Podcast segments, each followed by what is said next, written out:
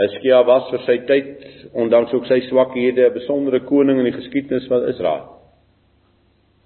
En hy word dodelik siek. Geliefdes is een van die aangrypende dinge vir my in die lewe is dat eh, Jahwe almagtig is besig altyd met ons lewens. Hy hanteer en hy regeer. En Hizkia was in sy hand.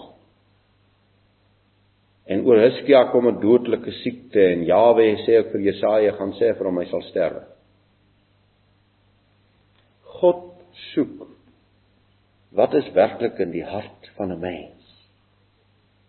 En daar kom dikwels beproewinge en dinge oor u en my lewe waar Jahwe vir jou en vir my toets om te soek wat werklik in ons lewe is. Hoe sal ons reageer onder sy tugtigende hand? Hoe sal ons reageer in die dag van smart in my lewe? In die dag van teëspoed. Hoe sal ek reageer? Wanneer Hiskia hierdie berig hoor van Jesaja dan word sy siekkamer vir hom binnekamer. En hy draai sy aangesig na die muur.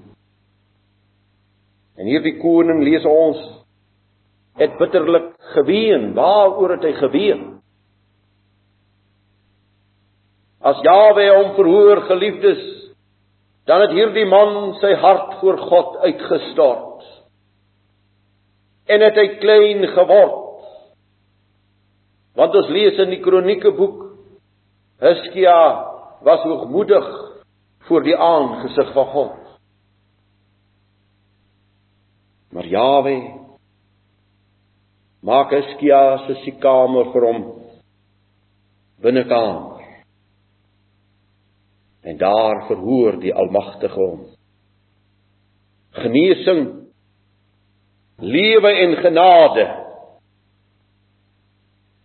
So baie mense. So baie mense se siekkamer word doodskamer in plaas van binnekamer.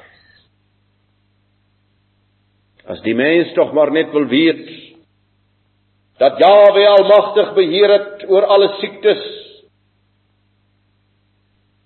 Oor alle siektes het hy beheer. As die mens tog maar net kan weet dat sy siekkamer vir hom binnekamer kan word.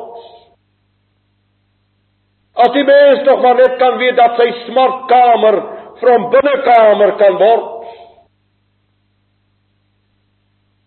Ek sal nooit vergeet na Desember vakansie.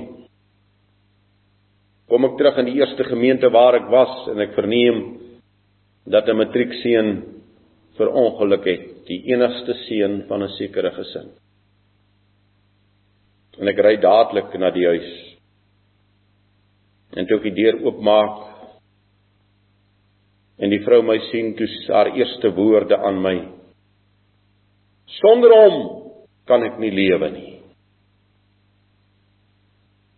Dus noem ek haar op haar naam en ek sê vir haar, daar is net een waar sonder jy nie kan lewe nie. En hierdie smartkamer van hierdie man en hierdie vrou het vir hulle binnekamer geword want albei van hulle het in my ou kantoortjie kom kniel voor die aangesig van Jawe. Geliefdes, As ons maar dit kan besef dat die smart oor ons lewens dat God vir ons binnekamers wil skep. Kom ons kyk na Daniël se binnekamer. En ek blaai na Daniël hoofstuk 6 vers 6.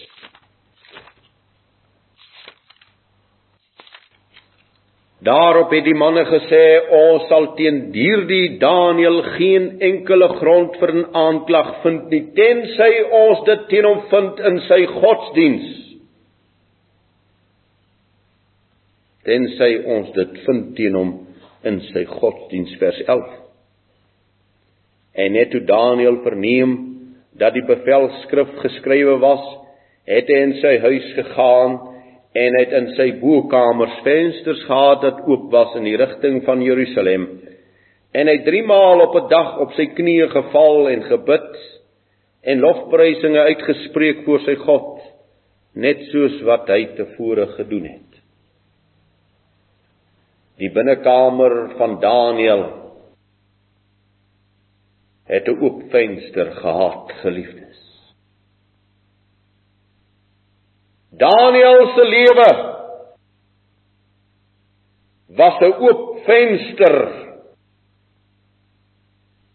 Daniël se verhouding met sy God was 'n oop venster vir vriend en vir vyand om te sien. En daarom sê hierdie vyande van Daniël ook: Ons sal niks teen hom vind behalwe teen sy godsdiens nie. Daar is een plek waar ons hom moet aanval en dit is in sy godsdiens. Omdat hierdie man se binnekamer 'n boertrek was.